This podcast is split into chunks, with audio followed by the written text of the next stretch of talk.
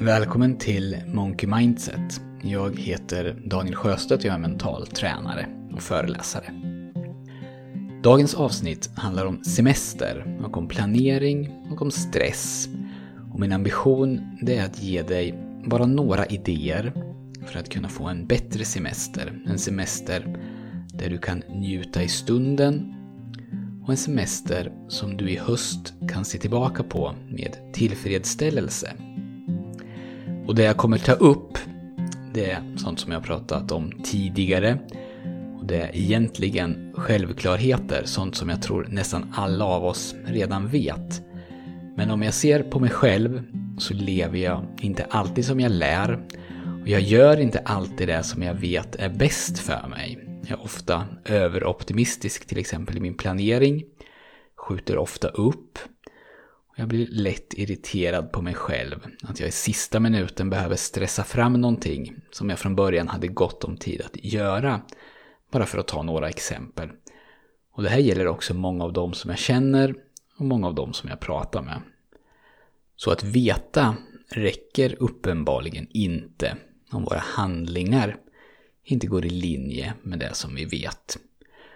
Och i vårt dagliga liv, på jobbet eller hemma, så är den här tendensen relativt lätt att upptäcka. Om någonting ska bli gjort inom ett visst datum så tror jag att många av er, ni har så mycket framförhållning att ni planerar för att det ska bli gjort. Man bockar av i kalendern. Bokar tid med någon hantverkare kanske, eller man ser till att det här projektet på jobbet som ska presenteras om två veckor faktiskt får den tid och de resurser som behövs fram till dess. Och det som kan hända då, och som ofta händer, det är att annat kommer emellan. Bränder som behöver släckas eller sånt som prioriteras högre av oss eller av de som bestämmer över oss. Eller att vi prokrastinerar, att vi helt enkelt inte gör det som vi vet att vi borde göra. Trots att det egentligen inte finns någon bra anledning till det. Vi gör det bara inte helt enkelt. Vi skjuter upp det. Vi gömmer oss i någon mening. Så vi vet i regel vad som har hänt. Även om vi ofta kanske inte vet exakt varför det har hänt. Men på sommaren så tror jag att det inte alltid är så. Utan när semestern är slut, då kanske vi undrar vad som hände. Hur kunde de här veckorna gå så fort? Jag har inte alls hunnit med allt som jag tänkte mig. Och ett skäl till det här, det är nog att när semestern sätter igång så har vi väldigt lite i kalendern relativt mot hur det är normalt. Vi är vana att ha åtminstone 8 5 uppbokat varje vardag. Så om något ska ske en normal vardag, en tisdag i oktober, då vet vi ju att vi bara har några timmar på oss att göra det. De andra timmarna, de är redan tagna så om något ska göras så behöver det planeras. Och kanske måste någonting annat väljas bort. Med fyra eller fem tomma veckor framför oss så är det lätt att vi ser på det här annorlunda. Vårt land behöver grävas upp. Hur lång tid tar det? Ja, låt säga att det tar mellan fem och tio timmar. Då tänker jag att det här behöver jag inte alls planera. För jag har ju en hel månad framför mig som är helt tom. Så jag gör det här när jag får lust. Och samma sak med varje enskild dag. Kanske vill jag ta en promenad varje dag under semestern. Bara en kvart om dagen. Och det kan ju inte vara några problem tänker jag, för jag har ju hela dagen på mig. Men dagarna går ju även under semestern. De ser inte ut på samma sätt som under en arbetsvecka. Men de går. Och saker, nu kommer jag till det här, självklarheter. De gör sig inte själva. Och när vi tänker att vi ska göra dem sen, eller börja imorgon, så kommer det aldrig att hända. Ska någonting bli gjort, så gör vi det nu, eller så bestämmer vi när i framtiden vi ska göra det. Eller så bestämmer vi åtminstone när vi ska bestämma det. Att bara hoppas att det kommer ske är oftast ingen bra taktik. Så vad jag tänker är en bra semester om jag ska gå till mig själv. Det är en semester där det finns en balans mellan dels sånt som man vill få gjort, alltså olika sysslor, plikter kanske, och tid till det man verkligen vill göra, även om det här är att göra ingenting eller att ha dagar där ingenting är planerat. Så steg ett i den här mer stressfria semesterplanen skulle då först och främst bli att skriva ner allt som du vill ska bli gjort under de här veckorna. Saker som du vill göra, människor du vill besöka. Allt som du går och planerar för, allt som du, om det varit en syssla på jobbet, hade avsatt tid för och skrivit ner i din kalender. När du har gjort det så kan du fundera på hur du vill att din balans ska se ut. Hur mycket tid ska spenderas på de här sysslorna och hur mycket tid ska spenderas på att göra ingenting. Eller åtminstone inte ha någonting inplanerat. För vissa av oss, vi älskar att inte ha någonting inplanerat. Och andra klättrar på väggarna om det är så och mår bra av och får energi av att göra saker. Så hur det här ser ut beror ju på vad du är för typ av person. Eller hur ni resonerar i din familj. Och jag kan se att vissa här skulle tänka att av mina 25 semesterdagar så vill jag att minst 15 är helt oplanerade.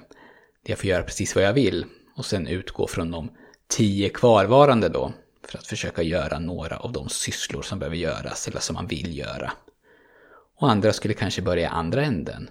De här platserna vill jag besöka och de här aktiviteterna vill jag utföra. Om det efter det blir tid för ingenting så är det härligt, men om den tiden inte finns så är det också helt okej. Okay. Så vad du förhoppningsvis undviker genom att tänka så här skulle kunna vara att till exempel komma i ett läge där du eh, börjar din semester och känner att du behöver, du behöver verkligen återhämtning, behöver göra ingenting och vill göra ingenting. Men där du upplever att det finns så många måsten.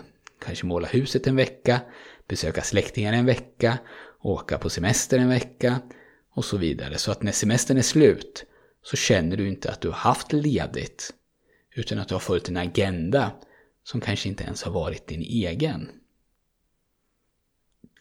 Eller så orkar du kanske inte göra någon av de här sakerna men du känner att du borde.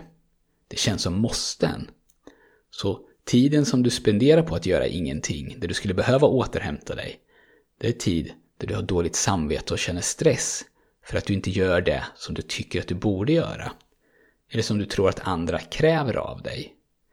Så att istället för att göra ingenting, må bra och hämta energi, så gör du ingenting, mår dåligt och stressar upp dig.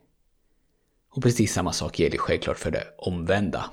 Bara för att alla andra snackar om hur skönt det ska bli med semester och ta det lugnt, så behöver inte du känna att just du behöver slappa om du inte vill göra det. För det handlar ju om att du tar kontroll över ditt liv. Och det har jag pratat om många gånger tidigare. Att du har rätt till din tid. Du kan ju välja att ge den till andra. Men andra har inte rätt att kräva den av dig. Och så är det nog. Det ska vi nog inte glömma. Att en viss nivå av stress, en viss nivå av frustration och dåligt samvete och så vidare kommer alltid att finnas där, hur vi än gör. Och om vår bild av den perfekta semestern, eller det perfekta livet kanske till och med, är en tillvaro utan bekymmer, oro, ilska, kanske skam och rädsla, utan där allt är harmoni och rosa moln, då är ju risken stor att vi spelar ett spel där det inte finns något sätt för oss att vinna. Där allt vi gör, hur bra det än går, i slutändan leder till besvikelse. Eftersom det vi strävar efter inte ens går att uppnå. Så vad jag tycker att du kan göra nu inför semestern om du har lust är att fundera på hur vill du ha det? Hitta en balans mellan sånt som du vill göra och sånt som du känner att du vill ska ha blivit gjort när semestern är slut. Och schemalägga och avsätta tid för det. Inte för att det är så spännande att schemalägga sin semester, det fattar jag med, utan för att det ska bli gjort.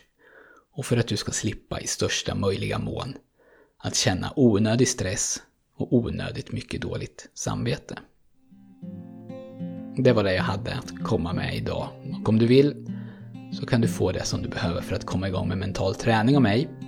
Och det kostar ingenting. På min hemsida monkeymindset.se så finns det en ruta där du kan fylla i din mailadress, en röd ruta och när du har gjort det så skickar jag dig fyra ljudfiler med instruktioner som man kan träna med. Och det första du gör när du börjar träna det är att du lär dig slappna av riktigt djupt, både kropp och sinne. Och det leder för de allra flesta till mindre stress, bättre sömn, en ökad tolerans för stress, bland annat en allmänt ökad upplevd livskvalitet. Och jag har också ett eh, träningsprogram som jag säljer, det bygger på precis samma koncept. Men det är lite mer omfattande. Då handlar det om 16 veckors träning med ljudfiler och övningar och små uppgifter. Och mer information om det finns också på hemsidan. Lämna gärna en recension på iTunes. Det uppskattar jag jättemycket och stort tack till er som redan har gjort det. Podden hjälps faktiskt av recensioner. Tack så mycket för den här gången. Jag hoppas att vi hörs snart igen.